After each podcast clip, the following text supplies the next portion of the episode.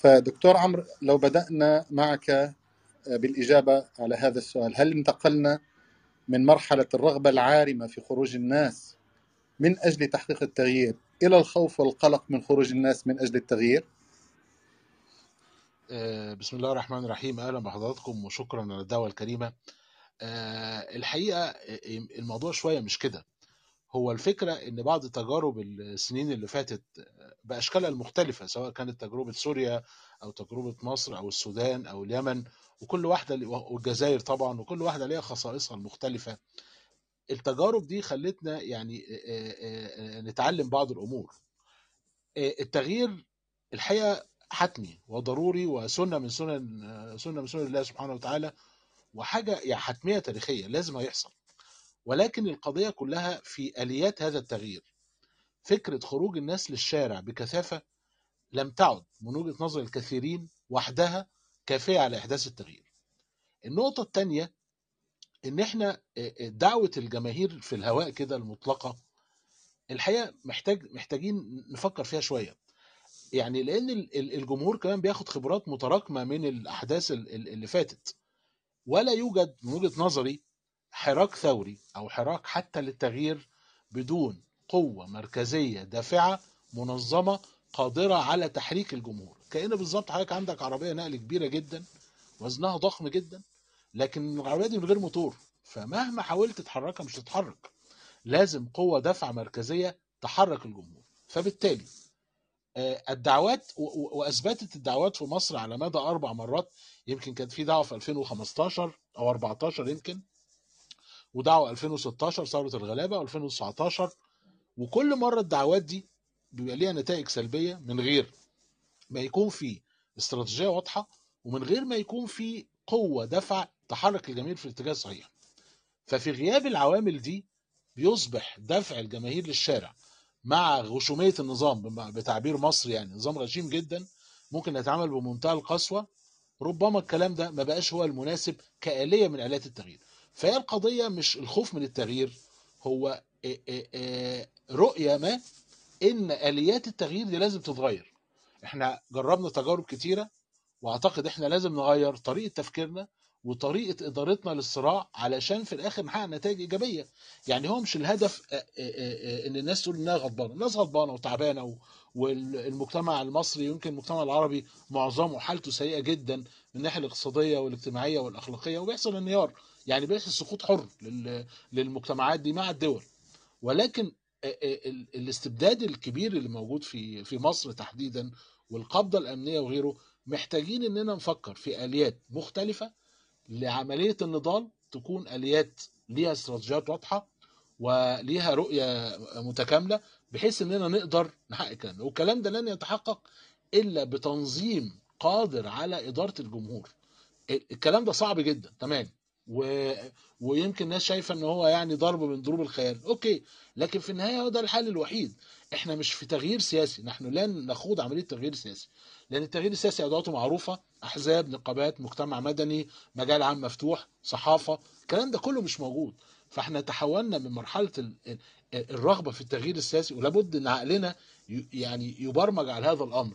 إلى تغيير ثوري عميق حتى لو كان أكثر صعوبة لكن هو لم لم يعد هناك طريق غيره لإنقاذ المجتمعات العربية في كل في كل المجالات سواء الاقتصادي أو الاجتماعي أو الأخلاقي أو حتى الديني. بنشوف محاولات صارخة لت- لتغيير هوية ال- المجتمعات دي. فبالتالي هو إحنا لا يجب أن نغير ال- ال- ال- الخط العام بتاعنا من محاولات التغيير السياسي إلى محاولات تغيير ثوري عميق ليه جذور آه، مختلفه ليه جذور قوية وثابتة في الأرض بحيث إنها تقدر تنقذ المجتمعات العربية. والتغيير ده لن يأتي بالتظاهر. خلينا نتفق يعني. لا التظاهر ده آلية من آليات العمل السياسي في مجتمع حر مفتوح قادر على سماع الغير قادر على إنه يعمل بعض المناورات علشان يقدر يحافظ على بنية المجتمع. إحنا مش شايفين الكلام ده في معظم الأنظمة العربية. فبالتالي ربما يكون العنوان محتاج يبقى تغيير ثوري تمام؟ وأيضا يحتاج آه، آه، نحتاج إحنا إننا نغير طريقة تفكيرنا بحيث نغير أدوات الفعل الثوري ده أو الفعل الاحتجاجي بحيث تبقى أكثر كفاءة بدون ما يحصل تدمير لل- للناس. في ناس بتخش السجن بتقعد ما بتطلعش يعني فبرضه ده ده ده مش حل. يعني مش الحل إننا آه، آه، نلقي بأنفسنا في الجحيم وخلاص لا لازم يكون في تنظيم وترتيب وإدارة مختلفة للصراع في الفترة القادمة. وأعتقد ده فهم فهموا الجمهور. الجمهور أنا حقيقة لا ألوم خالص على أي حد في في مصر مهما كان حجم الغضب ومهما حجم ال- الفساد وحجم الذل اللي بيتعرض له الشعب وحجم التدمير اللي تتعرض له مصر لا يلام الشعب. يلام من يدير عملية ال- ال- التغيير الثوري إنه في حلقة مفقودة في هذا الخط لازم يكون في كوادر تستطيع أن تحرك الناس في التوقيت المناسب ولازم يكون في يعني شوية تحكم في الاندفاعات اللي بتحصل من آه، بعض الإعلاميين في هذا الخط لأنها الحقيقة قد تكون مضرة أكتر ما بتكون إيجابية بالذات في هذا التوقيت. شكرا. أشكرك دكتور عمرو. آه، أستاذ طعان أنا رجوعا إلى نفس السؤال. هو السائد في التيار العام لعقود من الزمن تحريض الناس على الخروج. تظاهروا آه، اعتصموا آه، قوموا بإعلان عصيان مدني إلى آخره. الآن الذي لوحظ في الفترة الأخيرة وخصوصا مع آه، دعوات 11 11 الطلب من الناس التريث عدم الخروج عدم دفع أثمان بلا طائل إلى آخره. فهل, فهل كان هذا هو الدرس الأول الذي استفاد منه الناس عموما والنشطاء والداعين إلى الثورات بشكل أخص. وبالتالي آه، بدأوا يطلقون مثل هذه الدعوات التي تبناها النظام وأعوان النظام والنخب الداعمة للنظام نفسه. الله يبارك فيك. والله الأستاذ عمرو بارك الله فيه مشكور طبعا. يعني يمكن وفر علينا كثير من الكلام حول هذه النقطة يعني. هو العنوان ال- الحلقة أو اللقاء الخوف من خوض العملية التغيير السياسي في ظل التجارب المريرة. طبعا مما لا شك فيه أنه التجارب اللي حصلت وتجارب مختلفة. يعني هي ليست تجارب على صعيد آه، واحد. تجارب عمل مسلح وتجارب عمل سياسي ومظاهرات واعتصامات ومسيرات ومشاكل. فكانت النتائج يعني عكسية. يعني ليس فقط أنه لم يتحقق التغيير المرجو الشامل بل آه، لم نتقدم إلى الأمام بل لم نبقى يعني واقفين عند النقطة التي كنا عليها قبل ال- التحركات الشعبية. آه، بل في كثير من البلاد الأمور صارت إلى الوراء أنا طبعا أتمنى أن يكون هناك آه، قد حصل درس مما جرى. لأنه لما نبحث نحن ما هو السبب اللي آه، جعل أنه تضحيات الناس أنه تأتي بنتائج عكسية؟ السبب هو النقطة اللي ذكرها الأستاذ عمرو أنه لا يوجد تنظيم حزب أو حركة أو جماعة منظمة مخلصة واعية لديها مشروع تأخذ بيد الناس إلى آه، يعني ال- المرجو من أي تحرك قد يحصل. هذا السبب اللي هو من أهم الأسباب اللي أدت إلى الفشل. هذا السبب لا زال قائما. إذا لم يوجد التنظيم اللي هو ممكن أن يحدث الفارق في عملية التغيير. طيب إذا كان هذا لم يتحقق هل تريد أنت أن تجرب يعني بالناس مرة أخرى؟ طبعا هناك آه، كثير من الناس قد يتكلمون من غير حسابات آه، معينة إما ليثبتوا على سبيل المثال أنه هذه الأمة فيها خير يلا يا أمي وقوموا اتحركوا فإن تحركت يقولون أنه هذه الأمة مضحية هذه الأمة مقدامة هذه الأمة. أنا بتقديري نحن من خلال هذه التجارب التي مرت لم نعد بحاجة لنثبت هذا.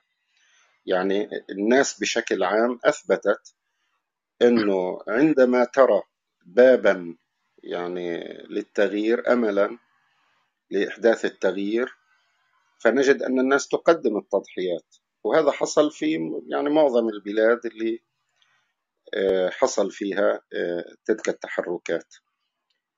آه، فأنت على سبيل المثال يعني في الواقع الذي نحن نعيشه لم يعد هناك من اقتناع لدى الناس بأن المشكلة تتلخص في شخص الحاكم وهذا تقدم إيجابي لأنه إحنا بلادنا حقيقة هي بلاد محتلة. والذي أقام هذه الدول في بلادنا يعني سواء سوريا ولا مصر ولا الأردن ولا العراق ولا يعني دول الخليج الاستعمار أنشأ هذه الدول. وهو عندما نقول أنشأ دولا بالتأكيد أنت لا تتكلم عن وجود حاكم عميل. وأنشأ الدول من أساسها إلى رأسها يعني. وإذا إحنا بدنا نحكي مثلا عن سلسلة من الحلقات سلسلة حلقات من خلالها الاستعمار يسيطر على بلادنا. آه، الحاكم قد يكون هو أضعف آه، حلقة في تلك السلسلة ليس هو أقواها. يعني الاستعمار من أسهل ما يكون عليه أن يستبدل حاكما بحاكم لكن هو يعتمد على أجهزة في المحافظة آه، على مصالحه وفي تنفيذ سياساته. الناس مثلا عندما تحركت في مصر في المرة السابقة كانت تتأمل يعني أنه في وجه حسني مبارك أن تقف الأجهزة أجهزة الدولة من جيش من إلى آخره إلى صفها. تبين لا وتبين أكثر من ذلك أن أمريكا التي تمسك بزمام الأمور بمصر هي لا تعتمد على حسن مبارك في المحافظة على نفوذها. أو دعني أقول ليكون الأمر دقيقا. لا تعتمد على حسن مبارك حصرا بل تعتمد أكثر على غيره من تلك الأجهزة الموجودة من جيش ومخابرات وإعلام ورجال اقتصاد وما شاكل ولذلك آه، عندما تتحدث عن عملية التغيير سواء قلنا تغيير سياسي والنقطة التي أثارها الدكتور آه، عمرو يعني أقترح أنا أنه هي جديرة بالنقاش أنه تغيير سياسي أو لا ما بينفع التغيير السياسي في بلادنا. على كل حال ممكن تناقش. عندما تتحدث عن عملية التغيير أساس عملية التغيير وجود تنظيم. تنظيم يقود الناس. إذا هذا ليس موجودا إذا تدعو الناس للخروج. آه، تدعو يعني أنت تترك الناس في بحر لجي. يعني مثل واحد انت بترميه بالبحر انت مدرك انه هو بيعرفش السباحة وبعدين بدك تعطيه نظريات. ما هو الأمواج ستأخذه إلى مكان بعيد. إذا إحنا عم نحكي عن بلاد محتلة وأجهزة وتنظيمات أو جماعات أو أحزاب مرتبطة بالاستعمار وهي أكثر تنظيما وقدرة على آه، أخذ الناس يمنة ويسرى. فإذا لماذا تدعو الناس؟ فأساس عملية التغيير هو وجود هذا التنظيم القادر على الأخذ بيد الناس. إذا هذا مش موجود إذا بدك تعمل على إيجاده. والله أعلم. نحن الآن على ما يبدو أمام معضلة شبه مغلقة. الأستاذ طعام ذكر أننا آه، قمنا بإجراء كثير من التجارب سواء عمل التغيير من خلال آه، العملية السياسية الانخراط بالأنظمة أو عبر آه، العملية العسكرية والجماعات آه، المسلحة أو عبر الثورات الشعبية العارمة. كل هذه وتلك باءت بالفشل لنقر بذلك رغم التضحيات الجسيمة التي تم تقديمها. من ثم كان كما سبق أن ذكرت هناك لوم كبير يلقى على الجماهير من قبل الحركات الداعية إلى التغيير. تحركت الجماهير لم تكن الجماعات على مستوى يؤهلها لقيادة الجماهير وإنجاز التغيير. الآن آه، كثير من الناشطين يقولون بضرورة التنبه إلى عدم القيام بحراك جماهيري قبل أن تنضج عملية تنظيمية تقود الجماهير وكأن الجماعات الإسلامية آه، والسياسية بمختلف مشاربها وتوجهاتها غير موجودة في الساحة العربية والساحة الإسلامية آه، فكيف يمكن التعامل مع هذا المشهد بكل هذه التعقيدات؟ السلام عليكم هو يعني إحنا محتاجين اول ندرك إنه اللي بنحاول نعمله آه، عملية عسيرة وإنها مش هيقوم بها فرد ولا تيار ولا جزء من الأمة وإنها تحتاج محاولات كثيره آه، فالحقيقة إنه اللي بيقولوا إنه العملية فشلت هم مخطئين. الحقيقة إن إحنا تقدمنا خطوات محدودة في طريق طويل. يعني في خيارات آه، تبين فشلها وفسادها وفي تيارات عجزت عن الاستمرار وتوقفت وفي حالة من من تصاعد الغضب الشعبي ومن إفلاس الأنظمة آه، تبشر بأنه الجو مناسب. اللي مش موجود هو ظرف مناسب للقيام بتحرك. والظرف ده مش بس ظرف سياسي هذا ظرف سياسي وظرف شعبي وحالة نفسية مش موجودة. يعني أنت ظرف سياسي معناها أنه عشان تتحرك تغيير نظام محتاج يكون في جو من خلخله النظام سياسيا وامنيا وده مش موجود. آه، محتاج النظام نفسه يكون في حالة آه، اضطراب.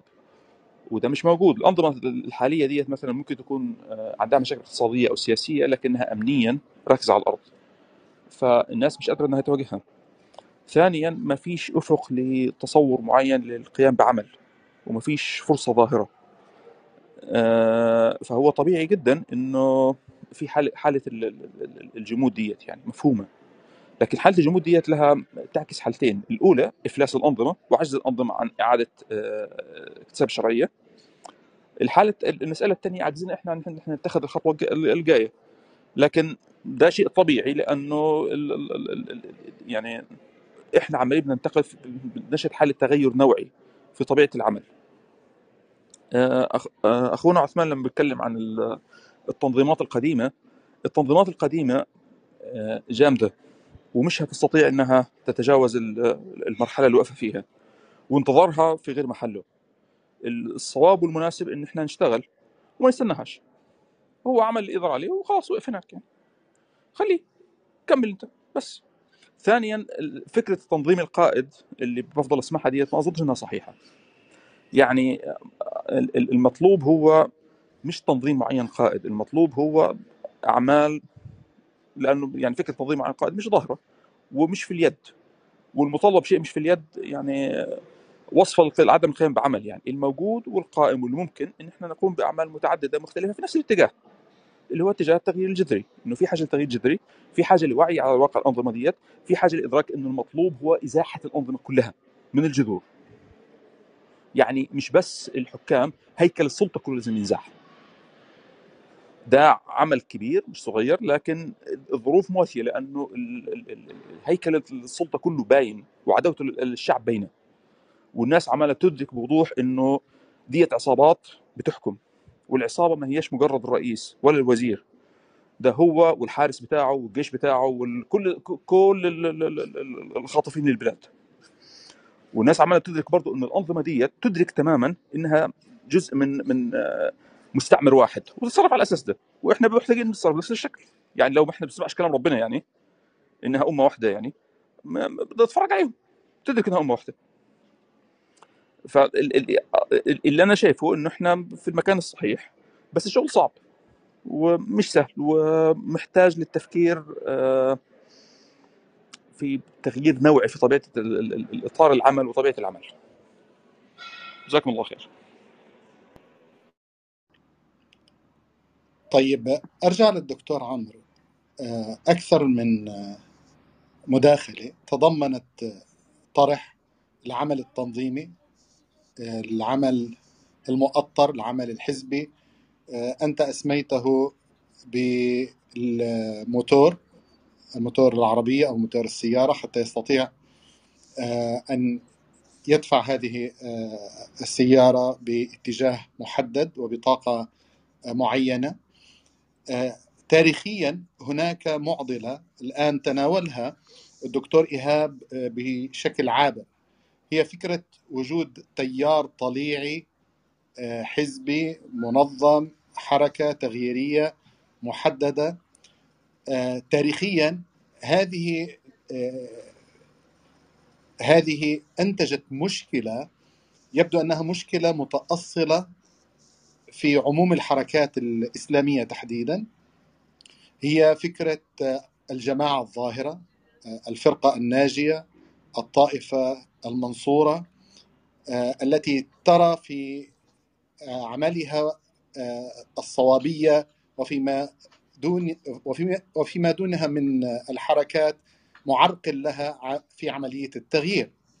الآن هل هناك وارد هل من الوارد أن آه، تتخلى الناس آه، عن هذه الفكرة. وهنا أتحدث ليس عن الناس عموم الناس إنما عن المنخرطين في عملية التغيير الراغبين في عملية التأطير في عملية التحرك.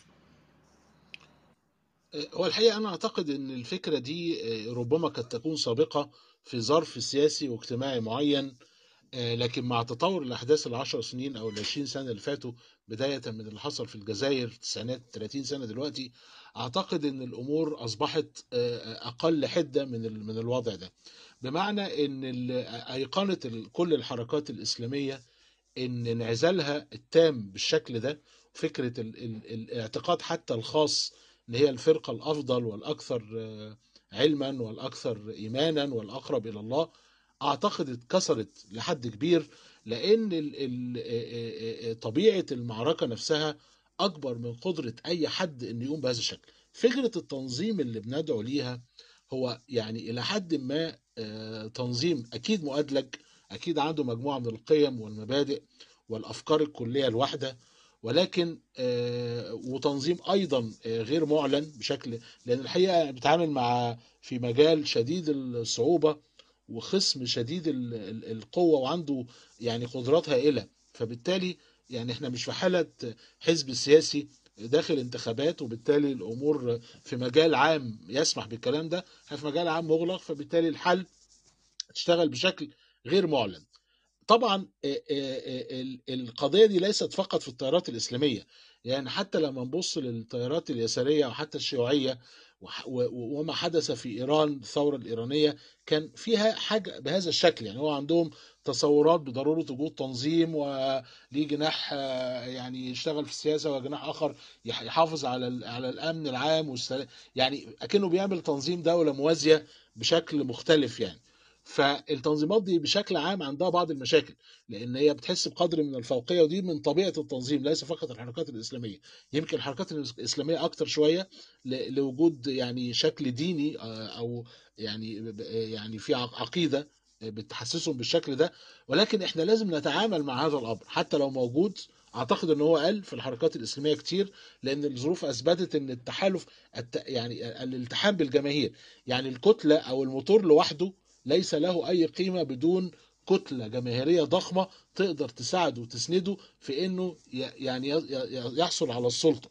فأعتقد المفهوم ده وصل إيه عند قطاع يمكن من الأجيال الجديدة من شباب التيارات الإسلامية إن الموضوع مش هيمشي بالشكل القديم. فإحنا بنتكلم على تنظيم جماهيري مؤدلج واسع عنده مشاكل وطبعا كل كل الحالات الث- ال- ال- ال- ال- ال- الثورات الناجحة ظهرت مشاكل بعد كده في هذه التنظيمات نحاول نعالجها. ولكن الحقيقة إن حجم الكارثة يعني إحنا عندنا طريق فيه مشاكل تمام. لكن الطريق الحالي طريق مدمر.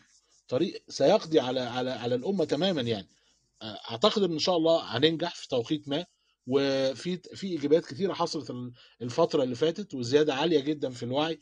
وإدراك بطبيعة المعركة وطبيعة العدو. الحقيقة ده حاجة مهمة جدا. إحنا قبل كده كنا بنتعامل مع عدو مش فاهمينه كويس. متخيلين فيه شوية فساد شوية يعني مصالح وارتباطات بالغرب. أثبتت الأحداث إن إحنا بنتعامل مجموعة من العملاء والمحتلين بشكل واضح. فالارتقاء في الوعي ده بيغير من طريقة التفكير. الأمر الثاني إن أثبت بالدليل العملي إن أي كتلة محدودة بعيدة عن الجماهير وغير مرتبطة بيها اخلاقيا واجتماعيا وثقافيا حتى آه، آه، بتخسر. لا لا تنجح. لازم يكون في الآخر هذه الكتلة المؤدلجة الصلبة مرتبطة بشكل ما بالجمهور علشان يقدروا يحققوا نجاح. في مشاكل طبعا ولكن من الضروري إننا نتعامل مع المشاكل دي أثناء حدوثها ونحاول نقلل من حجم ال ال ال ال ال السلبيات الناتجة عنها. ولكن ده لا يمنعنا ابدا من أنا أعتقد يعني إن هو ده الطريق الوحيد ال- تاريخيا حتى.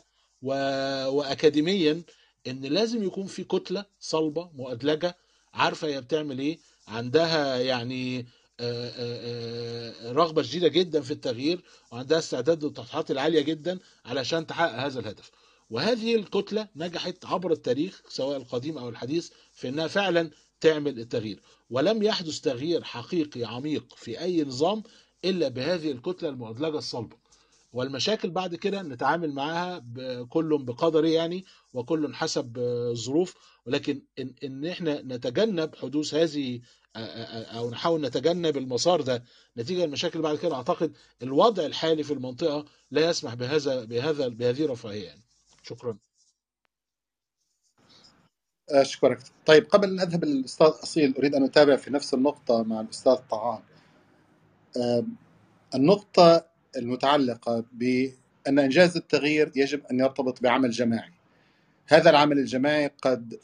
آه، قد يتلخص في مجموعة من الحركات من الأحزاب من التنسيقيات وليس بالضرورة أن يكون محصورا في جماعة بعينها هي التي تنجز المشروع منذ بداية من بدايته آه، إلى نهايته لأن ذلك رهن بمجموعة كبيرة جدا من العوامل التي تؤثر في عملية التغيير وفي الظروف التي تنضج عملية التغيير وتؤدي إلى قطف الثمر. الآن نحن أمام مشهد يظهر فيه نزعة عالية جدا في الفردانية تحت تصنيف المؤثرين ربما يكون المشايخ الدعاة المفكرين. الموجودين مثلا آه، على السوشيال ميديا أو بعض المنابر الأخرى إلى آخره. آه، في ذات الوقت لدينا ما زلنا آه، نشاهد تلك الجماعات التي تعتبر أن عملية التغيير هي من حصتها وكأنها أمر محتكر لها وأن رهن نجاح التغيير في الأمة هو بالالتحاق بها والارتباط بها إلى آخره. كيف نستطيع أن نتعامل مع هذه الظاهرة؟ وهل هناك إمكانية للخروج من هذه آه، الازدواجية بين طرفين كل منهما يودي بنا ويؤدي بنا إلى مزيد من التصدع لا مزيد من آه، السير نحو التغيير المطلوب.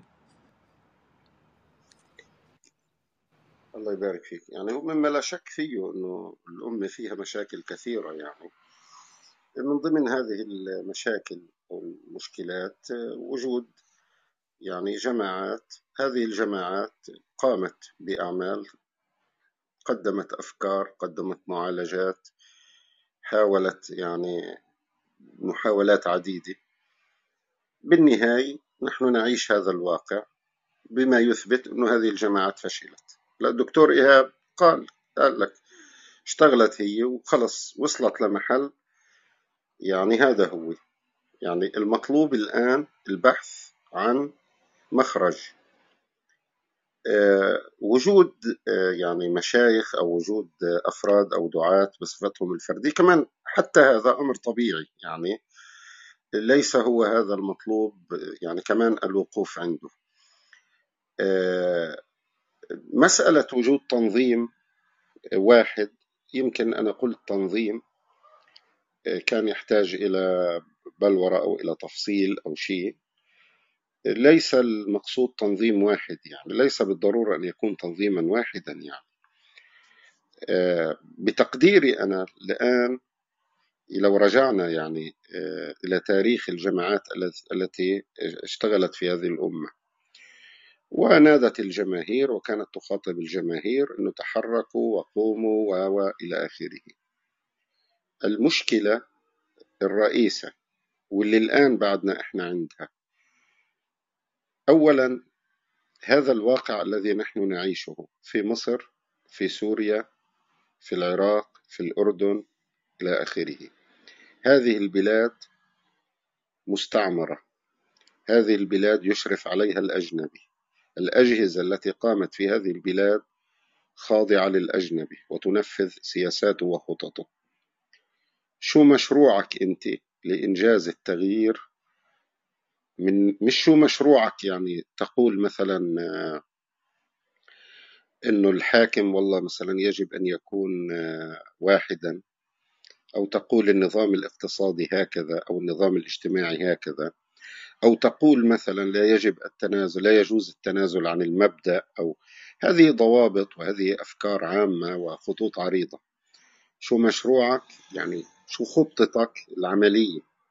يعني الآن إحنا مثلا لما بيجي آه، ناس بمصر على سبيل المثال بيقول لك نحن إن خرجنا الجيش واقف بوجهنا.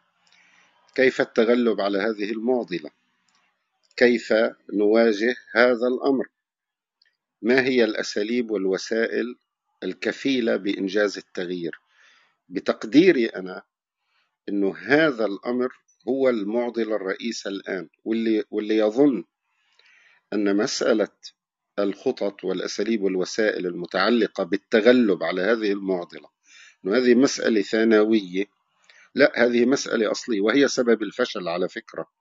هي سبب الفشل. يعني عندما نقول نحن أن حزب لم ينجز التغيير هو مش أنه ما أنجز التغيير لأنه في بأفكاره غلط.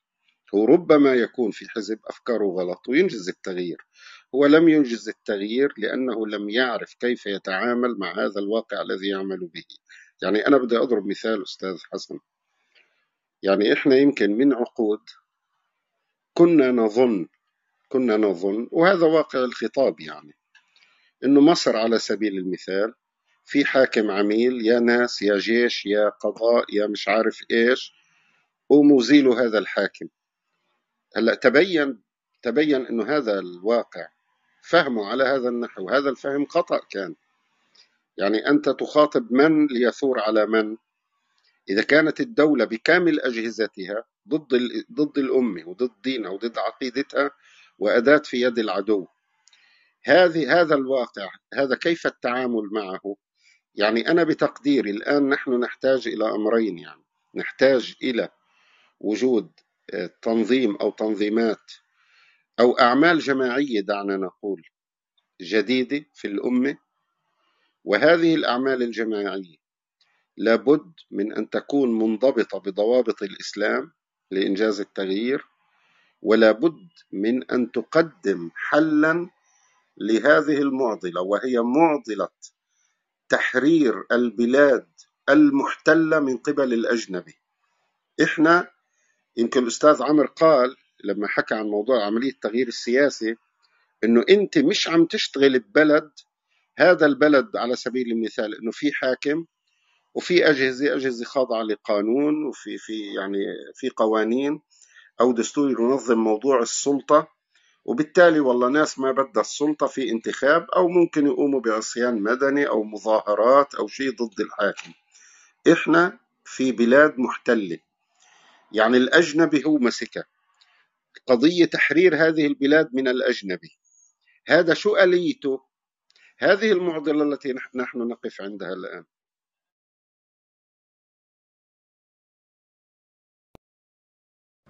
طيب أشكرك سلطان. أنا حقيقة عندي تحفظ على موضوع الاحتلال.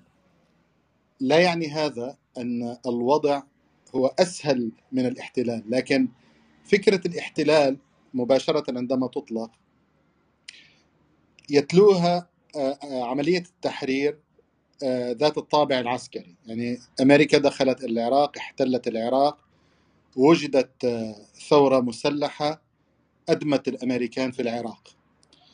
عندما خرج الأمريكان من العراق كليا أو جزئيا وانتهت حالة الثورة المسلحة ضد أمريكا ووجد من وضعتهم أمريكا في الحكم. الآن الوضع أسوأ بكثير من الاحتلال نفسه فالأمر أكثر تعقيدا. بالتالي موضوع فهم تركيبة الدول القائمة مع اتفاقي التام معك على تغلغل النفوذ الأجنبي إلى مفاصل الدولة وأجهزة الدولة والمؤسسات الفاعلة في الدولة حتى ولو تكن جزءا من تركيبة الدولة ذاتها. فهذا أمر متفقين عليه. لكن تحفظي أنا فقط في توصيف واقع بلادنا أنها بلاد محتلة، هناك بلاد محتلة لا شك مثل فلسطين مثلا مثل أفغانستان قبل أن يخرج الأمريكان مثل وجود الأمريكان في العراق قبل أن يخرجوا جزئيا أو كليا. الآن الأمر أؤكد عليه مرة ثانية هو أكثر تعقيدا من ذلك. أنا فقط حاولت أن أنوه إلى هذه الفكرة لأنه دائما الحل مرتبط بالمشكلة. فإذا كانت المشكلة مشكلة احتلال فبطبيعة الحال يكون العمل المنوط بالتحرير ذات صفات معينة بتقديري الشخصي ليس هو المطلوب في واقع مجتمعاتنا أو أمتنا. على كل أريد أن أذهب إلى الأستاذ أصيل لأستمع منه في حالة مشابهة وجدت في الجزائر وهي ابتداء خاض الناس عملية سياسية انتخابات فازت الجبهه الإسلامية للإنقاذ. وصلوا إلى أنهم باتوا يجهزون لتشكيل الحكومة إلى آخره. ومن ثم حصل الانقلاب المعروف والعشرية السوداء والدماء التي سالت بغزارة في الجزائر.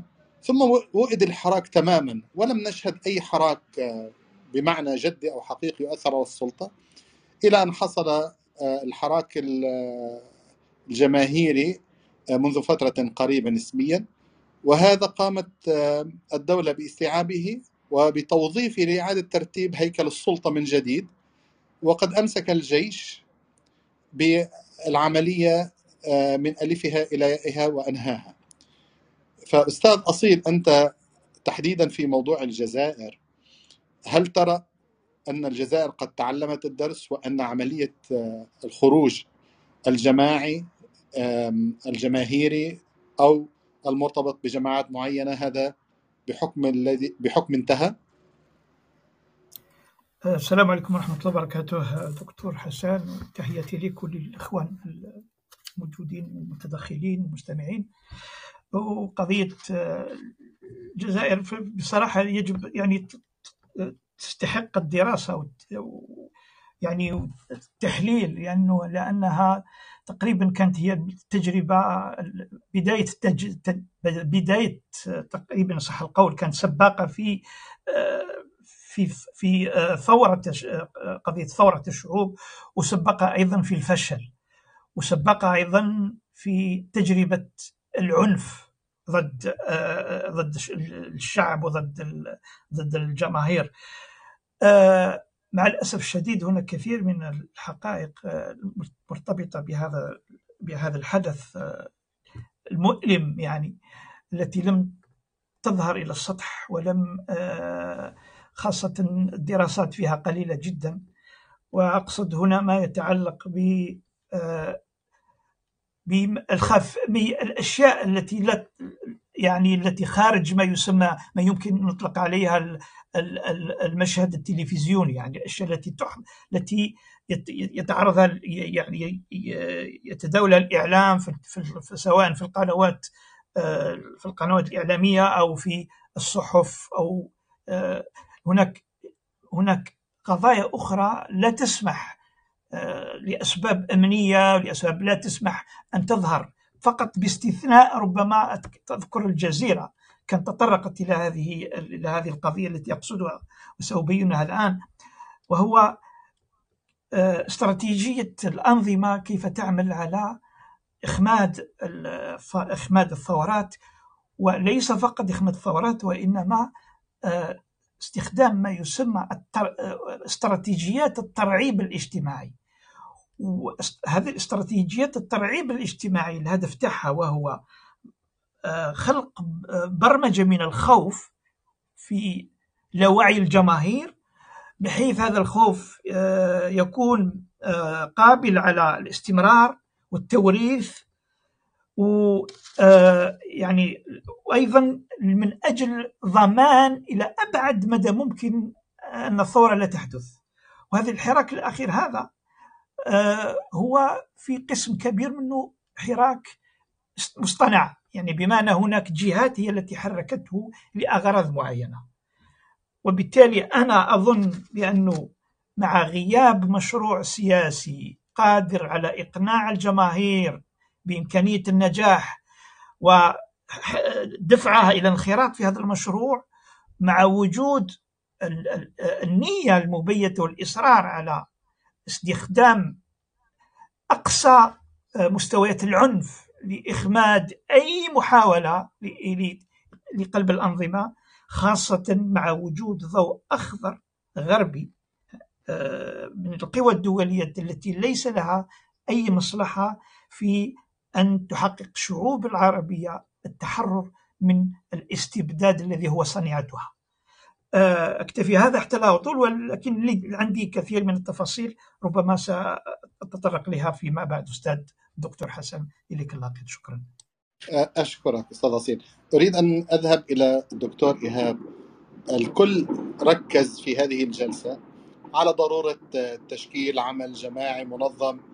ليس بالضرورة أن يكون محصورا في فئة بعينها السؤال الذي يطرح نفسه ما هو الحائل دون تنظيم عمل جماعي تتكاتف فيه قوى المخلصين الناشطين من أجل التغيير في بيئة منفتحة تجتهد وتجرب وتتعلم وتتطور وتطور آلياتها وحركاتها لإيجاد روح الحيوية في هذه الأمة وبعثها من جديد.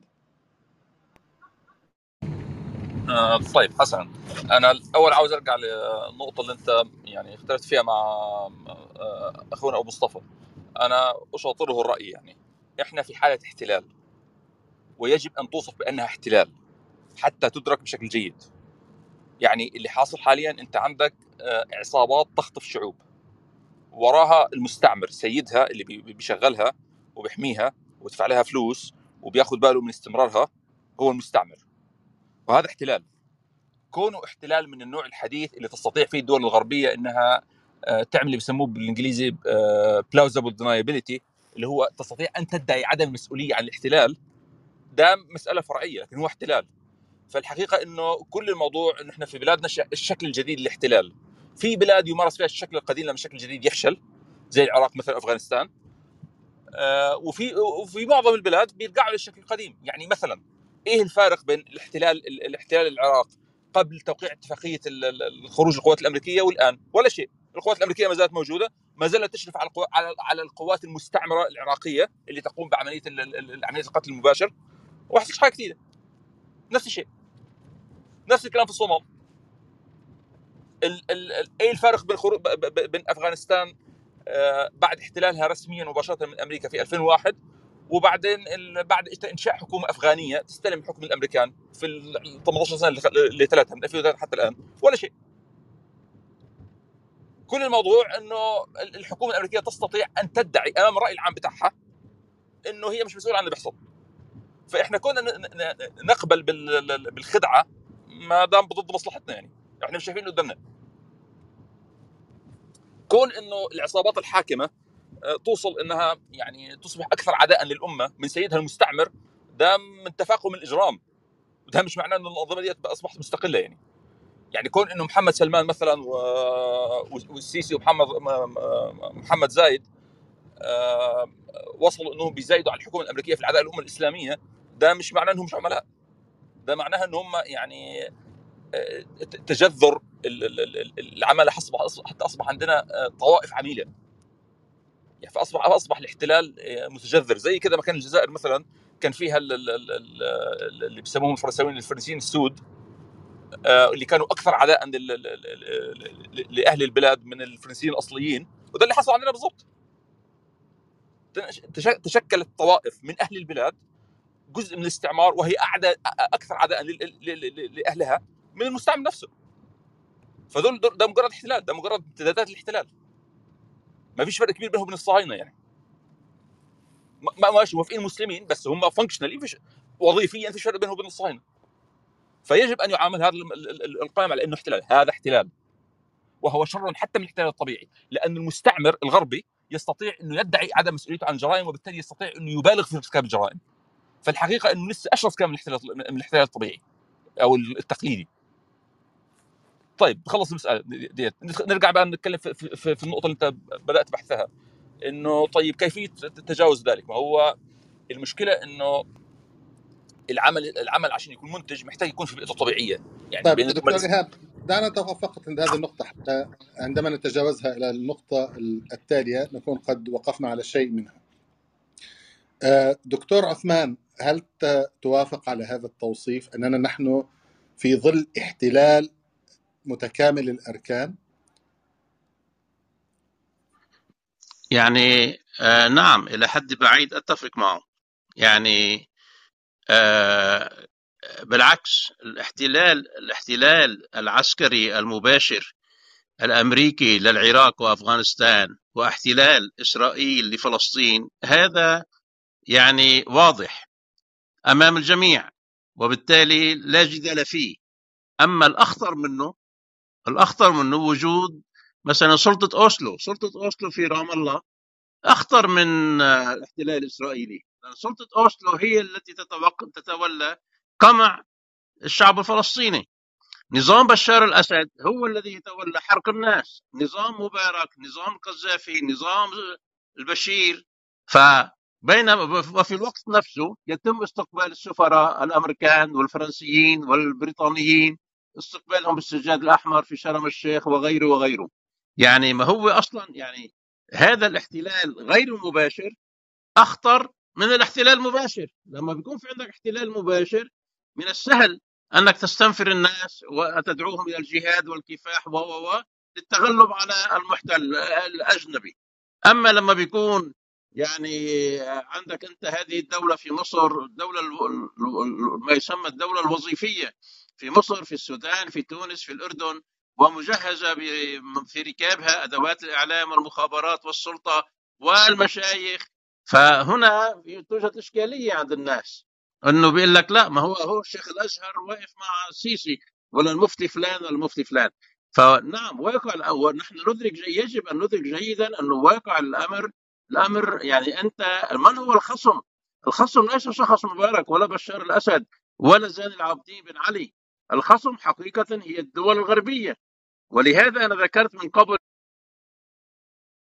كلام أنجيلا ميركل في أمام مؤتمر ميونخ في 5 فبراير 2011 أي قبل ستة أيام من سقوط مبارك. أنجيلا ميركل قالت نحن متفقون أنا وهيلاري كلينتون وديفيد كاميرون. نحن متفقون هناك هناك موجة تغيير قادمة في مصر وعلينا ضبط عملية التغيير. يعني فإذا المتحكم بمفاصل البلاد والعباد هم الدول الغربية. هذا توصيف هذا توصيف هذا هو الواقع. الآن هذا بيطرح سؤال. إذا اللهم إذا اتفقنا عليه هذا بيطرح السؤال طيب ما السبيل ما السبيل لكسر هذه الهيمنة الغربية على مقدرات مقدرات البلاد والعباد؟ هذا طب هذه مسألة دعنا نتوقف عند هذه النقطة قبل أن ننتقل إلى هذا السؤال. أريد أن أخذ رأي الدكتور عمر بنفس هذه النقطة تحديدا. هل نحن تحت. احتلال متكامل الأركان في بلادنا ولابد من التعامل معه على أساس هذا التوصيف. دكتور عمر تفضل. آه، نعم أعتقد نحن بحاجة إلى الإيمان بهذا بهذا الأمر. ال ال ال الاحتلال في لما خرج من البلاد كان بيواجه مقاومة عنيفة جدا وكان من ناحية الحسابات المكسب والخسارة كان من الأفضل انه يخرج. ولكن طبعا هو قبل خروجه لا يمكن ترك هذه المنطقة فارغة بدون سيطرة. فعمل تكوينات الدولة كلها وبناء المنظومات وبناء ال ال ال كل ما يتعلق بإدارة الدولة والثروة والسلطة آه، تبع مبا- كاملة ليه تبعية كاملة ليه والمشكلة إن هو يعني مجموعة لايرز مش بس القيادات لا ده بنية المؤسسات نفسها بنية تابعة. بحيث حتى لما تبتدي تدخل ناس جوه هذه المؤسسات أجيال مختلفة ورا أجيال وبنية الثقافة المجتمعية نفسها كلها كلها كده. حتى فوج يعني ال- اللي نلاحظه إن التكتلات ال- المعارضة أو اللي كانت يعني ضد الأنظمة اللي موجودة وبتتكلم حتى على إنها أنظمة فاسدة وتابعة للغرب ماشية تقريبا بنفس النموذج. يعني مجموعة من الأفكار المركزية قدروا يزرعوها داخل تكوين الدولة كله حتى المعارضة كانت كلها في صالحهم. وعلشان كده يعني محاولات التغيير اللي قبل كده ومحاولات اللي بعد كده لو هتفضل في هذا الإطار لن تنجح لأن كلنا بندور في دايرة النظام اللي موجود فعلا. فبالتالي ال- انتزاع نفسنا من الأفكار دي ومن الثوابت اللي فرضها علينا الغرب سواء كانت الثوابت الفكرية أو الثوابت السياسية وإدارة حتى المجتمع السياسي بتشكيلته الحالية أعتقد كلها هتؤدي بينا لنفس الغرض. فإحنا فعلا في حالة احتلال احتلال بكتلة من داخل المجتمع انفصلت عنه وارتبطت ارتباط وثيق جدا بال- بالمنظومة الغربية ومصالحها وما بقتش مصالح المجتمع نفسها هي مهتمة بيها خالص بالعكس هي بتعاديها. فخطورته أكبر لأن هو جزء من المجتمع وصعب تقنع قطاعات واسعة من الجماهير إن ده ما يفرقش كتير عن العدو المباشر اللي هو الاحتلال الغربي. فأنا متفق تماما نحن في حالة احتلال ولا بد أن تكون طرق تفكيرنا سواء في المقاومة أو في النضال أو حتى في اللي عايز يشتغل عمل سياسي تحت هذه المظلة. مظلة الاحتلال ومظلة إن هذه الكتل معادية للشعوب ويعني لن تفعل شيء ابدا في صالحها وارتباطها التام بمصالح النموذج الغربي والدول الغربية بشكل عام. أستاذ حسن هو في مسألة تقديري أنا قد نحتاج نحن إلى يعني آه، تركيز للمعنى يعني. لأنه هو النقطة اللي أنت ذكرتها أنه أنت عندما تقول احتلال يعني معناه الحل عمل مسلح. هو لا يجب فهم أنه هذا النوع من الاحتلال أنه هذا أصعب و يعني أخطر ومن الاحتلال الأجنبي من الاحتلال العسكري عفوا. هو احتلال إنه هن هن يعني هم ماسكين زمام الأمور ببلادنا هم يتحكمون ببلادنا. كانوا يتحكموا من خلال العسكر والآن يتحكمون من خلال الأدوات الموجودة ببلادنا والأجهزة.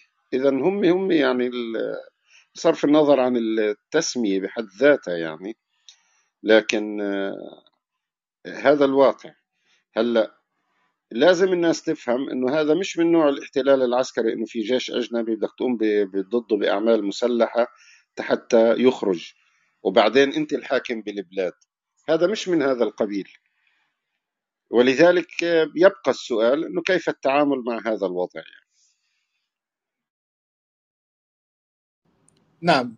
أرجو أشكرك أستاذ طعن لأنه هذا هو السؤال الذي ربما طرحته على الدكتور إيهاب لكن الآن أصبح له أرضية أكثر وضوحا آه، لبناء الإجابة عليه. أنه نتحدث عن إيجاد مثلا تنظيم ليس بمعنى أظن التنظيم أخي عفوا دكتور عثمان تفضل. نعم بالنسبة للسؤال اللي طرحه أخونا الأستاذ طعان كيفية التعامل؟ كيفية التعامل مع هذه الهيمنة الغربية على دولنا وبلادنا. يعني أنا أفكر يعني أفكر بصوت مرتفع يعني. البد... يعني كما ذكرت من قليل لو كان هناك احتلال عسكري مباشر لأصبح من السهل استنفار الناس واستنهاضهم لمواجهة المحتل الأجنبي سواء كان الاحتلال السوفيتي في أفغانستان أو الاحتلال الأمريكي في العراق أو الاحتلال ال- ال- الإسرائيلي في فلسطين. مواجهة المحتل الأجنبي واضحة. أما الصعوبة لما آه، يرفع فلان وفلان أنه هو رئيس الدولة الوطنية وهو مجلس الشعب وهو البرلمان و و و يعني فعلما بأن المواجهة هنا ليست يعني عملية آه، خوض آه، حرب حرب استقلال أو حرب تحرير من الناحية العسكرية ولكن حرب استقلال من الناحية السياسية. لذلك يخطر بالبال الآن مثلا يعني يعني آه لا أنت عندك أنت عندك الآن الاتح- الاتحاد الاتحاد العالمي لعلماء المسلمين. الاتحاد العالمي لعلماء المسلمين وأشباهه من منظمات وجمعيات. لو لو تم بلورة هذا الفهم وهذه الفكرة وتم توجيه السهام إليها بكافة الوسائل يعني ال- التوعوية الإعلامية و و و يعني ضخ يعني العمل على حشد الوعي لدى الجماهير لدى العامة والخاصة وفي كل المناسبات أنه يا ناس آه هذا هذا النظام لا يمثلكم وليس له مشروعية. كلمة المشروعية كلمة المشروعية يعني آه يعني هذا مفتاح. يعني ال- النظام الحاكم في مصر والأردن والكويت والعراق وتونس هو هو هم هو النظام يزعم أنه له له المشروعية وهناك دستور وهناك قضاء وهناك وهناك إلى آخره. هذه المشروعية يجب أن تضرب بتسليط الضوء على حقيقة وواقع أنه هذا النظام هو خادم وتابع للدول الغربية التي تحارب الله ورسوله. هذه النقطة لو يعني انصبت الجهود عليها وتضافرت الجهود عليها وفي هذا وفي هذا جواب على السؤال السابق الذي طرحته أخي حسن أنه هل من الممكن هل من الممكن لهذه الحركات الإسلامية أن أن يعني أن يكون هناك تنظيم يجمعها بشكل ما؟ أقول نعم ممكن ممكن جدا أن يتم الالتقاء على الفكرة أيا كان هذه التنظيمات والحركات ومشاكل أيا كانت أنا لا أتكلم هنا عن الإطار التنظيمي الصرف وإنما أتكلم عن أنه خلينا نتفق على القضية ما هي قضية المسلمين؟ قضية المسلمين أن هذه الأنظمة هي يعني تخون الله والرسول وتحارب الله والرسول وتخت وتوالي أعداء الدين ولذا يجب أن تصب السهام كلها لضرب مصداقية وما يسمى مشروعية هذه الأنظمة وكشف حقيقة ارتباط يسميه زي ما بسميه سميه معركة الوعي تحرير تحرير العقول من هذا ال- ال- الخدر هذا التخدير والخدر وال- والوهم بأنه آه، نحن في الأردن وفي مصر وفي تونس وفي اليمن نحن دولة وطنية وذات سيادة و-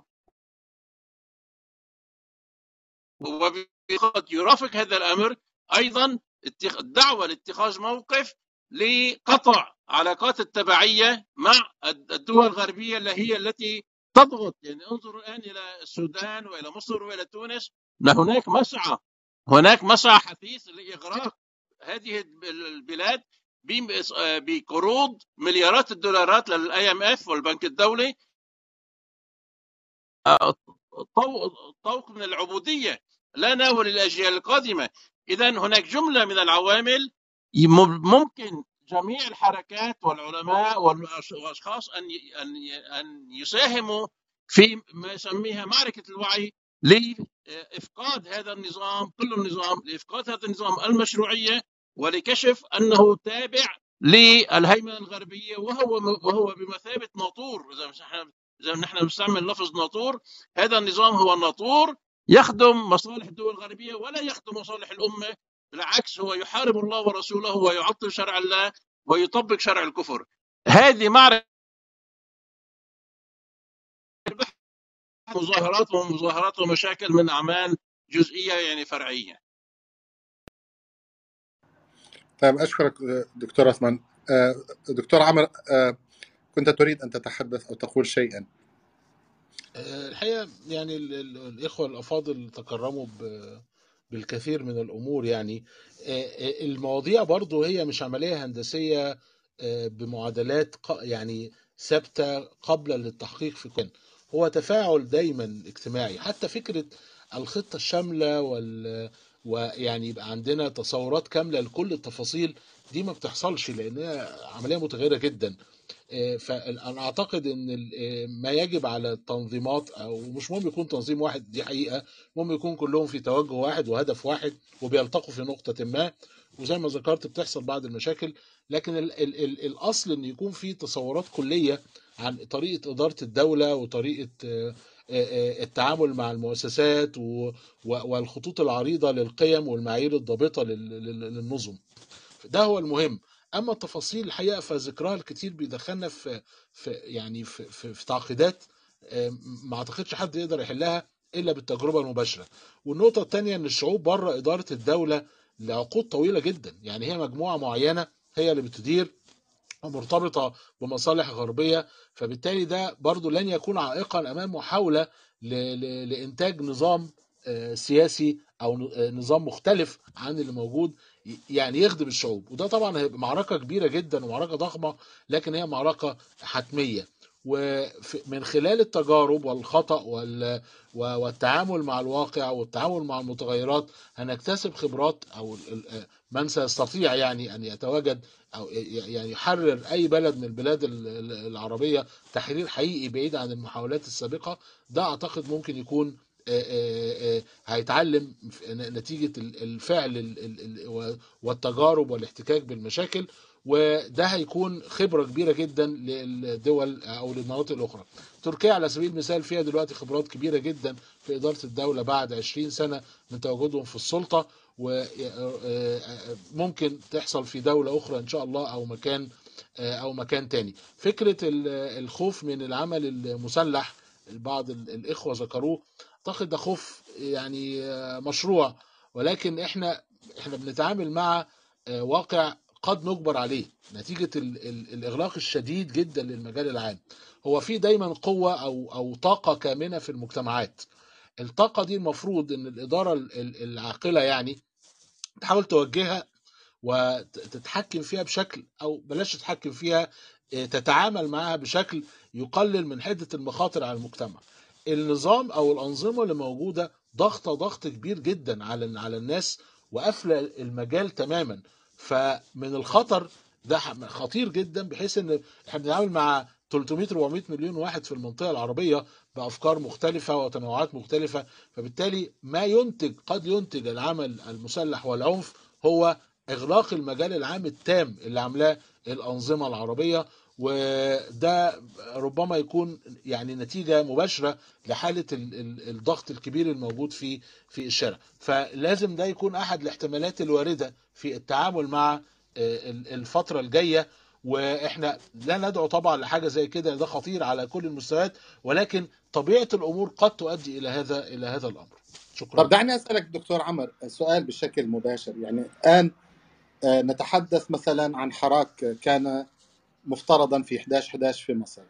الجميع يعرف أن الدافع على هذا الحراك هو الفقر هو الجوع هو قلة الموارد أو آه، ندرة البضائع هو الوضع الاقتصادي. يعني المشكلة هي مشكلة اقتصادية بامتياز بحسب طبيعة الحراك. هل من المفترض إضافة وفتح هذا الحراك ليشمل كل قضايا الأمة بما فيها تحرير فلسطين واستعادة الأندلس وتوحيد الأمة وتحكيم الشريعة واجتثاث الاستعمار من جذوره إلى آخره من مثل هذه الأمور أم التركيز على المشكلة ومحاولة التعامل مع المشكلة المفترض أن الناس ممكن أن تخرج من أجلها؟ هو الحقيقة المشكلة في مصر ليست مشكلة اقتصادية هي المشكلة الاقتصادية رافض لأصل المشكلة هي مشكلة الفساد والاستبداد والتبعية للغرب. لكن الحالة الاقتصادية مجرد منتج من ال- الأساس ال- الجذر العميق بالتبعية آه، والفساد والاستبداد. آه، طرح الأفكار ليس بالضرورة أن يكون يعني واسع بهذا الشكل. إحنا في أزمة عميقة جدا فبالتالي حل أزمة نقطة ما يعني فكرة تحرير ال- المساحة الموجودة. طبعا في آه، في رؤية أكبر بالتأكيد ولكن فكر المعلن هو تحرير المساحة الموجودة لأن تحرير أي نقطة هيتبعه تحرر أماكن أخرى. وفي اللحظة دي التطور الطبيعي إن ال ال ال ال النقاط المختلفة بتشتغل مع بعض بشكل متناغم وهينتج ما نأمل فيه من تحرير فلسطين واستعادة يعني ه- هيمنة أو وجود حتى ال- الفكر الإسلامي كنموذج لإدارة المجتمعات وإدارة الدول. فالوقت الحالي ينبغي صحيح عندنا فكر فكره استراتيجية واسعة جدا على مستوى الأمة ولكن الأفضل هو تحقيق استراتيجي- استراتيجيات أقل آه، آه، آه، اتساعا يعني على المستوى ألو... المستوى المحلي. يعني بلاش نقول الوطني على المستوى المحلي بس لتحرير نقطة واحدة. إحنا نريد تحرير نقطة واحدة في هذا المساحة الضخمة جدا من العالم العربي والإسلامي وهذه النقطة لو تحررت تحرر يعني حقيقي وعميق وليه جذور من الفكر الإسلامي أعتقد هو الفكر هينتشر ويكبر ويساعد الكتل الأخرى على على على إنتاج منظومات للتحرر. في اللحظة دي ممكن نتكلم على آه، إطار عام. لكن ال- التوسع الشديد بيبقى برضه درجه من ال... يعني الأحلام الغير واقعية. إحنا في مجتمع آه، دولي شديد السيطره مسيطر تماما. يعني مفيش دولار بيتحرك مثلا من بنك البنك اللي تحت السيطرة الغربية. مفيش قطعة سلاح بتتحرك إلا بنفس الكلام. مفيش حاجة الاتصالات كلها تحت السيطرة. ففي وسط هذا ال- ال- الخضم الصعب جدا ربما يكون آه، آه، محتاجين نبقى أقل آه، أو محددين أكتر آه، للتعامل مع الناس. لكن بالضروري أن في طرح الأفكار أن يتضح ال- هذه ال- ال- الكتل اللي بتسعى للتغيير تسعى لتغيير عميق وليها جذور أيديولوجية واضحة لأن ال- الناس الحقيقة أعتقد يعني تفضل هذا الأمر حتى لو مختلفة معاه ولكن تفضله عشان الصورة تبقى واضحة عندهم وإلى أين ذاهبون إلى أين نحن ذاهبون؟ والنظم الحاكمة بتحاول دايما تسوق صورة التيارات اللي بتحاول تغير آه، آه، بشكل عنيف جدا علشان تق- تقضي على الأمل ويبقى في صورة واضحة إن هو ده ال- الحل الوحيد الموجود. فطبعا محتاجين تصور ايديولوجي على قدر ال- ال- المتاح آه، محتاجين إننا نؤمن إن المشكلة ليست مشكلة اقتصادية والناس لازم تدرك الكلام ده إن أصل المشكلة هي مشكلة سياسية ومشكلة تبعية ومشكلة استبداد. شكرا.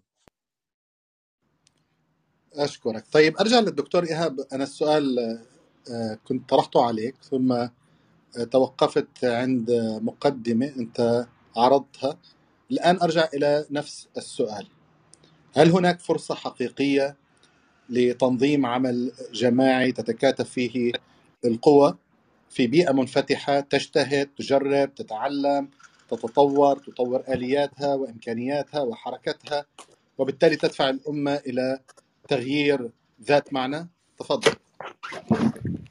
أه، حسنا أه، فقط ابتداء التعليق على أه، ملاحظة أخونا عمرو عن وقاحة الأنظمة في البروباغندا بتاعتها ضد التيارات الإسلامية.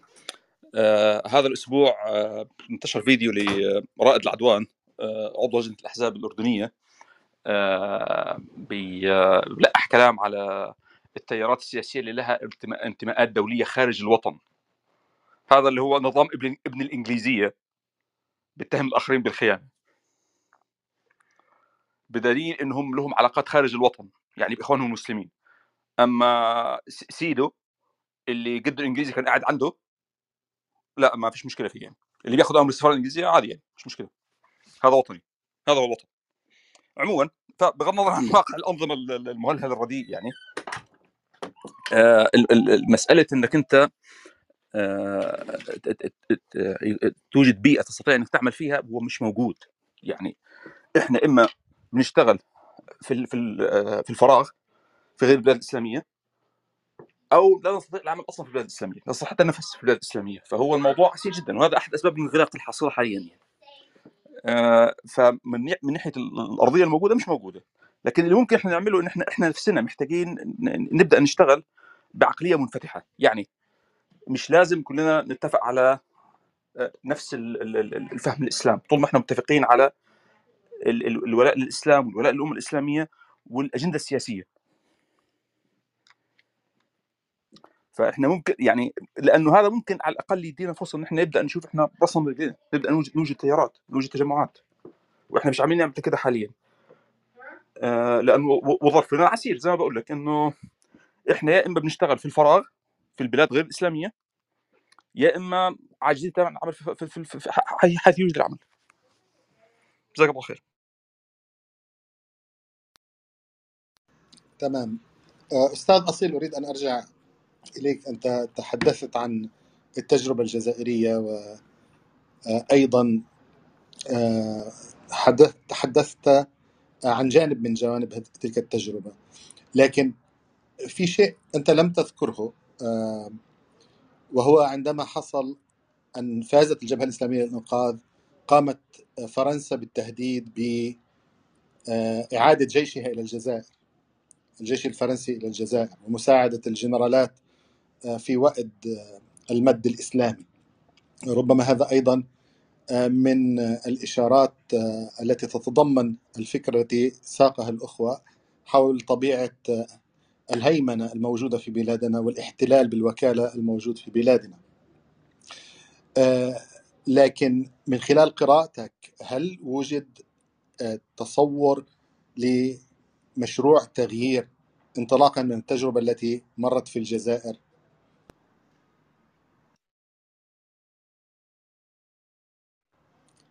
أستاذ أصيل المايك عندك مغلق. آه نعم أستاذ شكرا بارك الله فيك. السلام عليكم ورحمة الله. والله في حد علمي أنه لا يوجد آه، هناك مشروع للتغيير آه بدليل أنه يعني أولا النظام آه خضع كل آه كل الاحتياطات تاعو لإبعاد أي إمكانيات للتغيير فقام بعملية تطهير اسمها في البداية تطهير انتخابي من خلال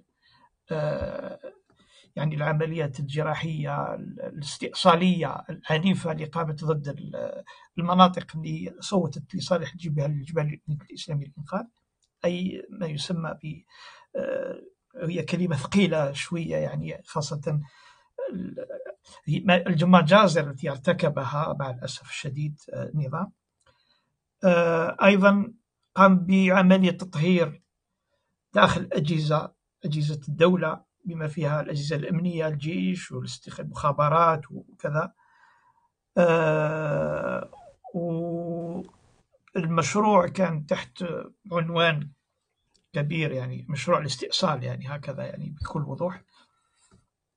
آه، ولذلك وأيضا فقط أيضا استهدف استهدف النخب الواعية في المجتمع الجزائري ليس فقط النخب الإسلامية وقام باستئصال دموي عنيف للنخب الإسلامية واستهدف أيضا النخب العلمانية المعارضة للتوجه الاستئصالي للنظام لذلك آه، عمل عملية آه، تجريف يعني لكل لمنطقة واسعة وحتى أعطته آه، يعني إمكانية أن على مدى طويل لن يكون هناك أي تغيير. آه، على مستوى بنية الفكر الإسلامي الموجود في الجزائر لا يختلف كثيرا عن الفكر الإسلامي الرائج في كثير من الدول العربية. وهذا أذكر على سبيل المثال تصريح كان قام بها آه، رئيس حزب حمص اللي هو محسوب على تيار الإخوان المسلمين في مقابلة في مع آه، مع قناة آه، معارضة في الج- في الجزائرية في الخارج هي المغاربية. كان قال بأنه آه، هناك آه، لا يوجد هناك رؤية لا يوجد آه، على الأف يعني الأفق مسدود. وقال بحبل بالحرف قال هذا راجع لغياب التنظير. آه، مع الأسف هذا هو الواقع. لذلك مع غياب التنظير مع غي- مع غياب رؤية فكرية قادرة على خلق مشروع سياسي يعني واقعي آه، مع قدرة النظام في التحكم في الوضع. فأظن أن كل كل الآفاق مسدودة يعني في هذا في هذه القضية. تقريبا ليس هناك أي اختلاف عن مناطق أخرى في العالم العربي. هذا ما أستطيع أقوله دكتور حسن أشكرك أصيل أريد أن أرجع للدكتور عمر. الآن الأنظار كلها مسلطة آه، على مصر. ممكن أخ حسن ممكن أخ حسن آه تفضل تعقيب على كلام الأصيل؟ تفضل. تفضل. يعني الأخ أصيل فيما ذكره نقطة مهمة جدا. على حين ذكر مقولة أنه ليس هناك تنظير ليس هناك تنظير للحل البديل.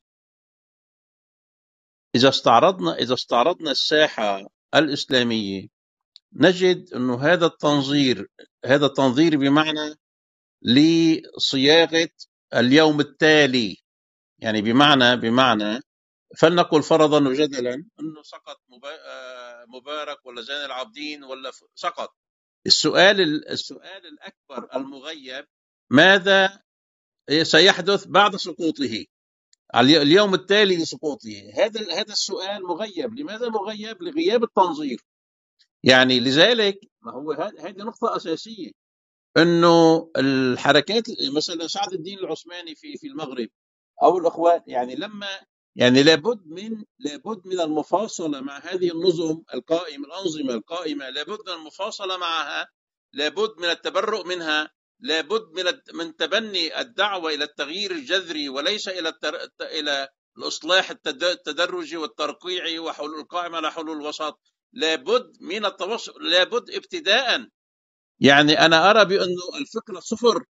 نقطة الابتداء نقطة الصفر هي تبني موقف فكري شرعي واضح بين على يقوم على التبرؤ من هذه الأنظمة كلها.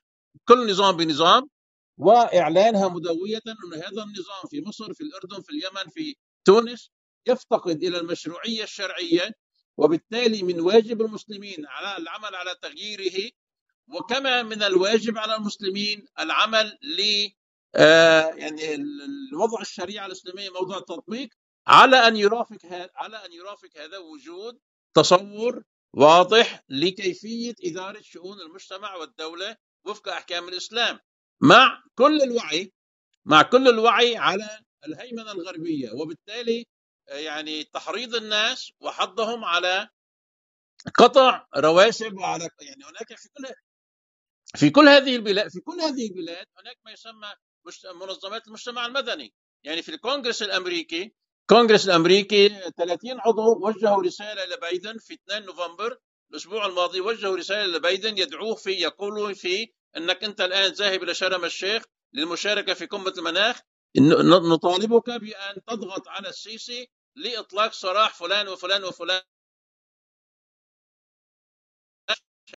المهم ف يعني الثورة أي ثورة أي تغيير جذري يبدأ قطعا وحكما على المستوى الفكري ابتداء.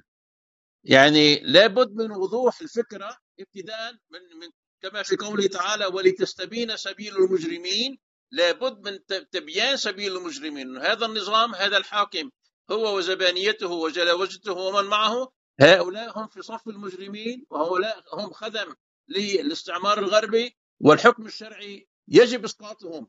يعني هذا الكلام يجب أن يتم تبنيه من كل المنابر. يعني لما لما الحركات الغنوشي في تونس أو غيره السكوت السكوت عن توضيح هذا الحكم كتوضيح شرعي. السكوت يؤدي إلى المياعه والميوعه وإلى التشويش وإلى تضليل والتدليس على الناس. يعني ما ما معنى ما معنى ما معنى الاحتكاك وصندوق الانتخابات؟ أي انتخابات وأي صندوق؟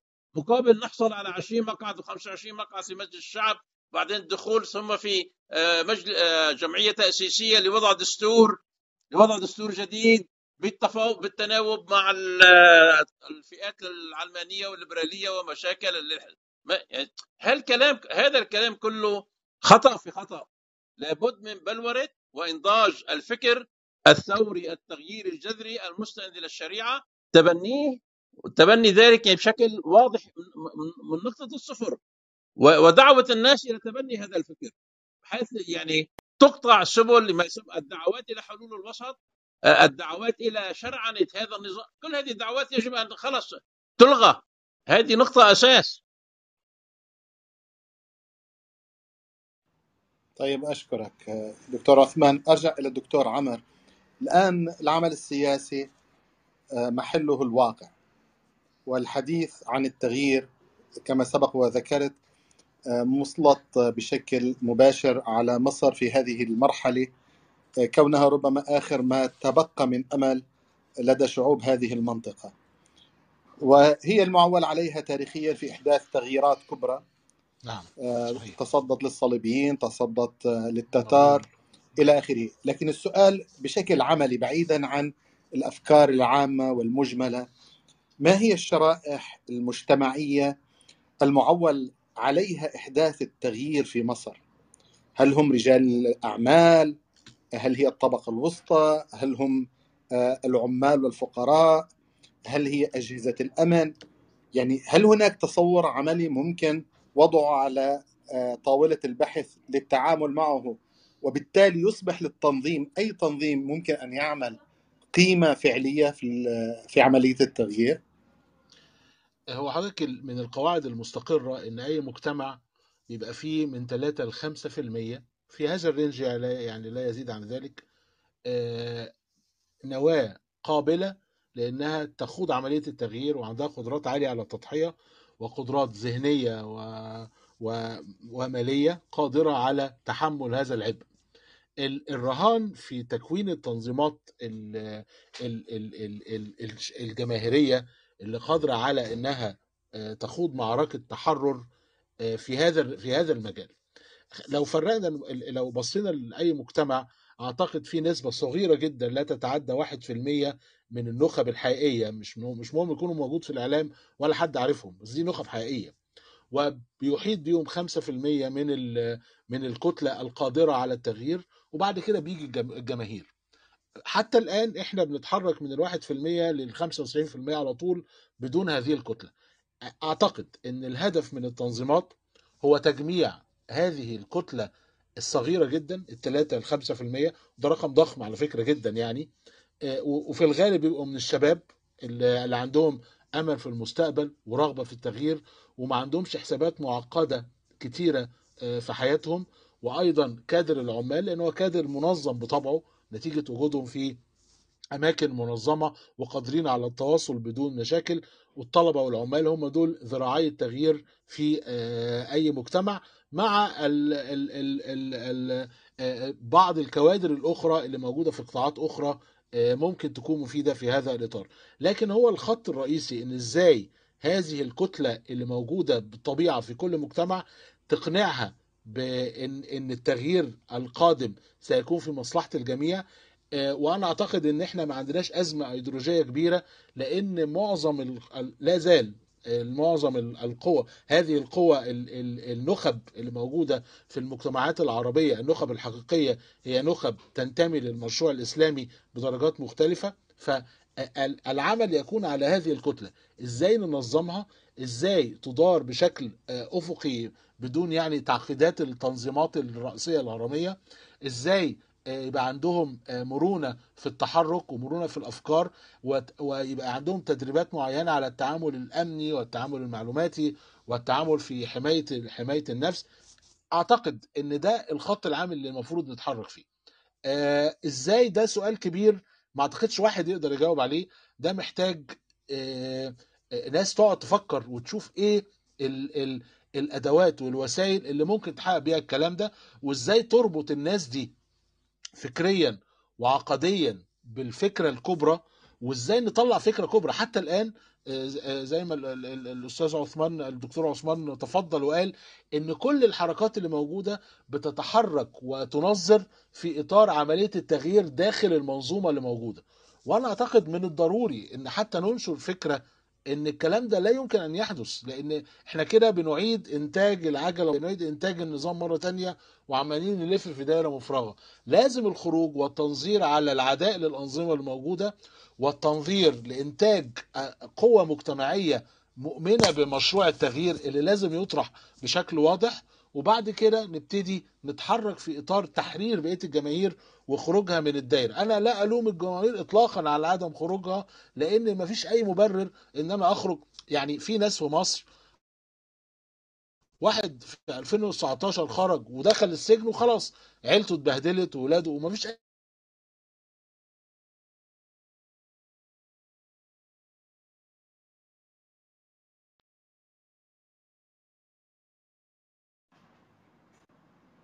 أنا انقطع عند الصوت. لا أسمع الدكتور عمر. لا أدري إذا كان الأخوة يسمعونه. الأمور تتحسن في البلد يعني.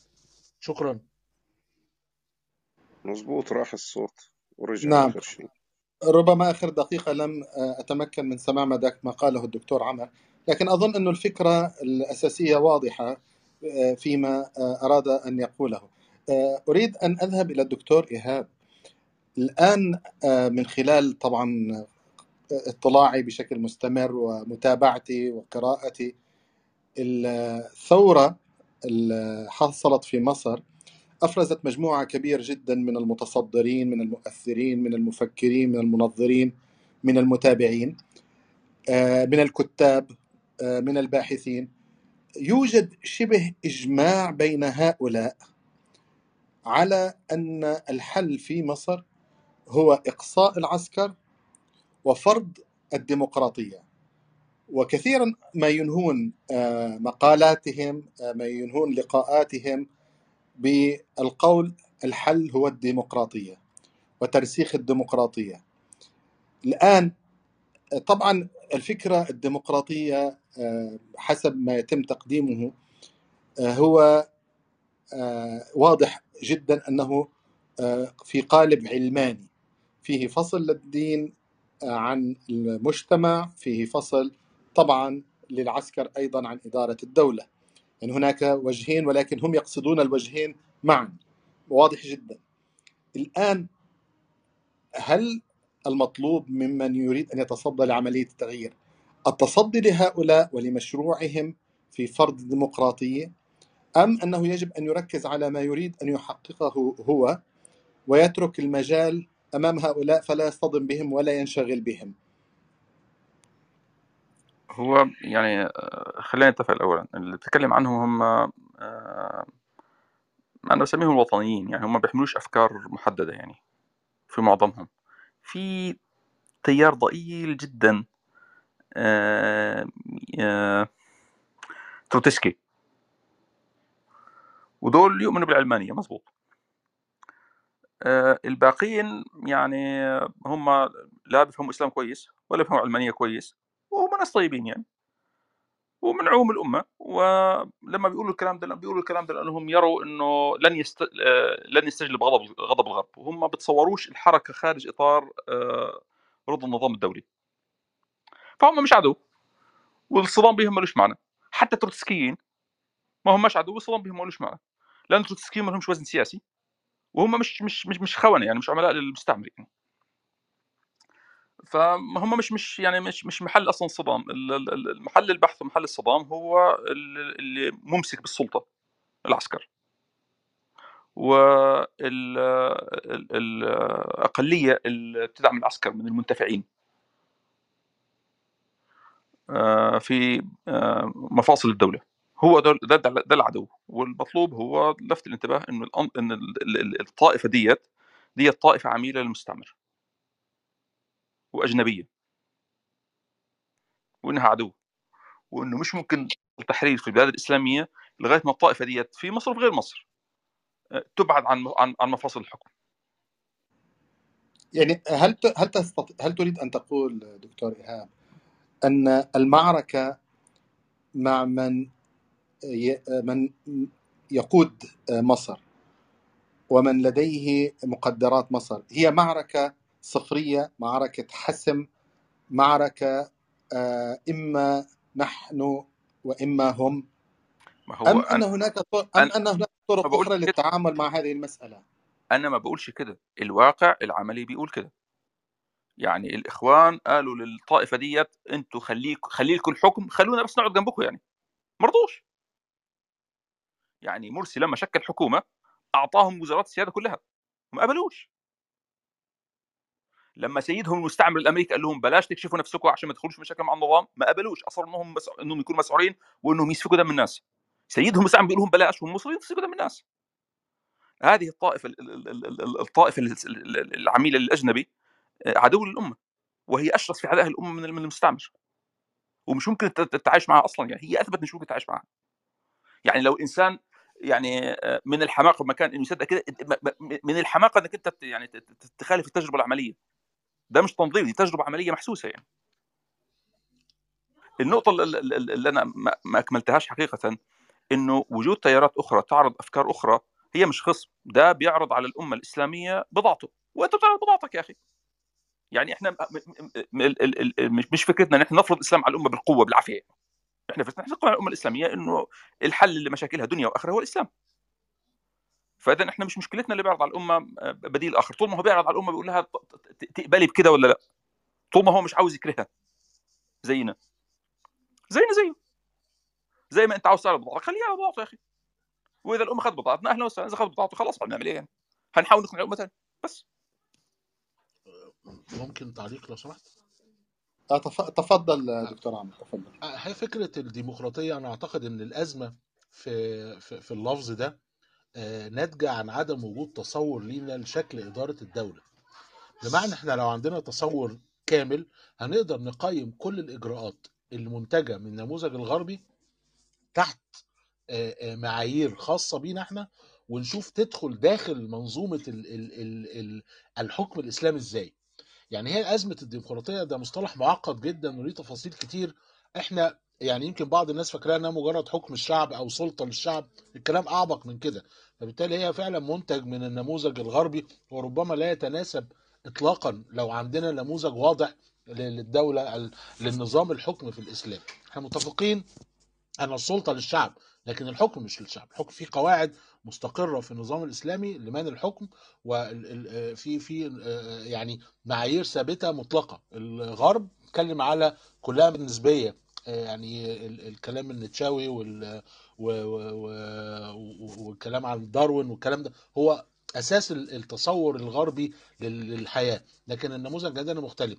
فهل كل القيم أو كل المصطلحات أو كل الإجراءات والأدوات وحتى أكبر من كده اللي موجودة في الغرب تصلح عندنا ولا لأ؟ القرار ده مش هنعرف ناخده بشكل جدي إلا لما يكون عندنا تصور مش مهم كامل بس يكون في تصور كلي لشكل منظومه الحكم في النظام الإسلامي في الوقت الحاضر. شكرا.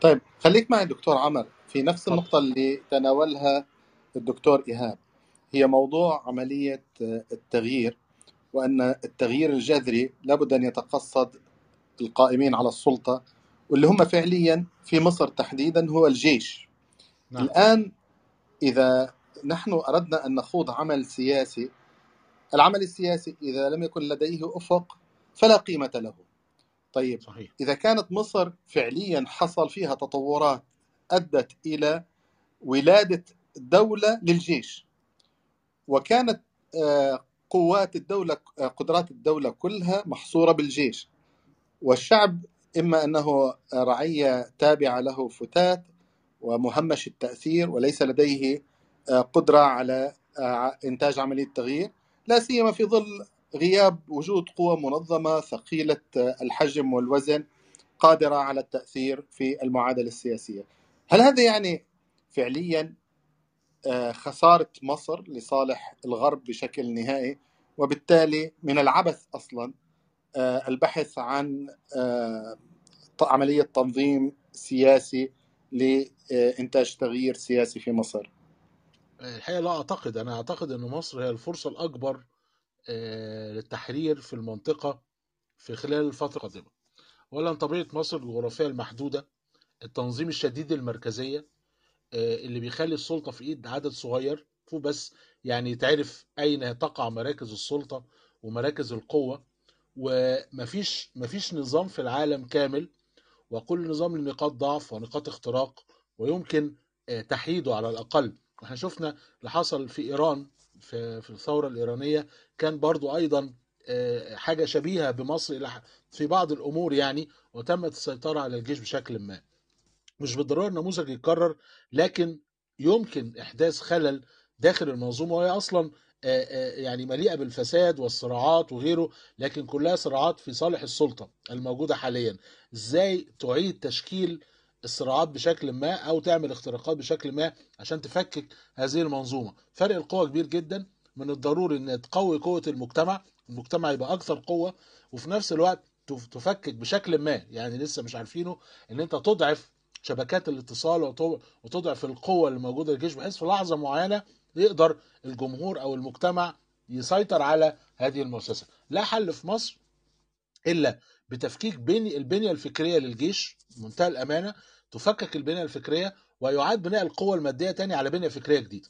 ده هو الحل. حل صعب جدا لكن لا يمكن ابدا استمرار البنية الفكرية الموجودة المؤسسه العسكرية دلوقتي ويحصل أي تغيير في مصر. فأعتقد ده الاطار لكن أعتقد إن مصر هي أكثر نقطة مؤهلة للتغيير عدد السكان وحجم الضغوط وحجم ال ال القوة الشعبية اللي موجودة فيها. الضرب الصحيح لكن أعتقد بنائها أسهل بكتير. والموقع الجغرافي حاجات كتير قوي بتؤهل مصر إنها تكون هي المرشح الأكبر إنها تقود عملية التغيير في المنطقة كلها. شكرا. طيب أشكرك لهذا التوضيح. نحن غطينا جميع المحاور المطلوبة في الجلسة. لا أدري إذا كان هناك أي تعليق. دكتور عثمان تفضل. نعم الله يبارك فيك كلمة أخيرة استكمالا لما ذكره الأخ عمر من شوي عن مسألة الجيش. بدون شك هو الجيش هو عصب عصب السلطة بمعنى سن- سند السلطة. وهذا الكلام ليس فقط في مصر في كل نظام الأردن السودان الجزائر سوريا اليمن إلى آخره.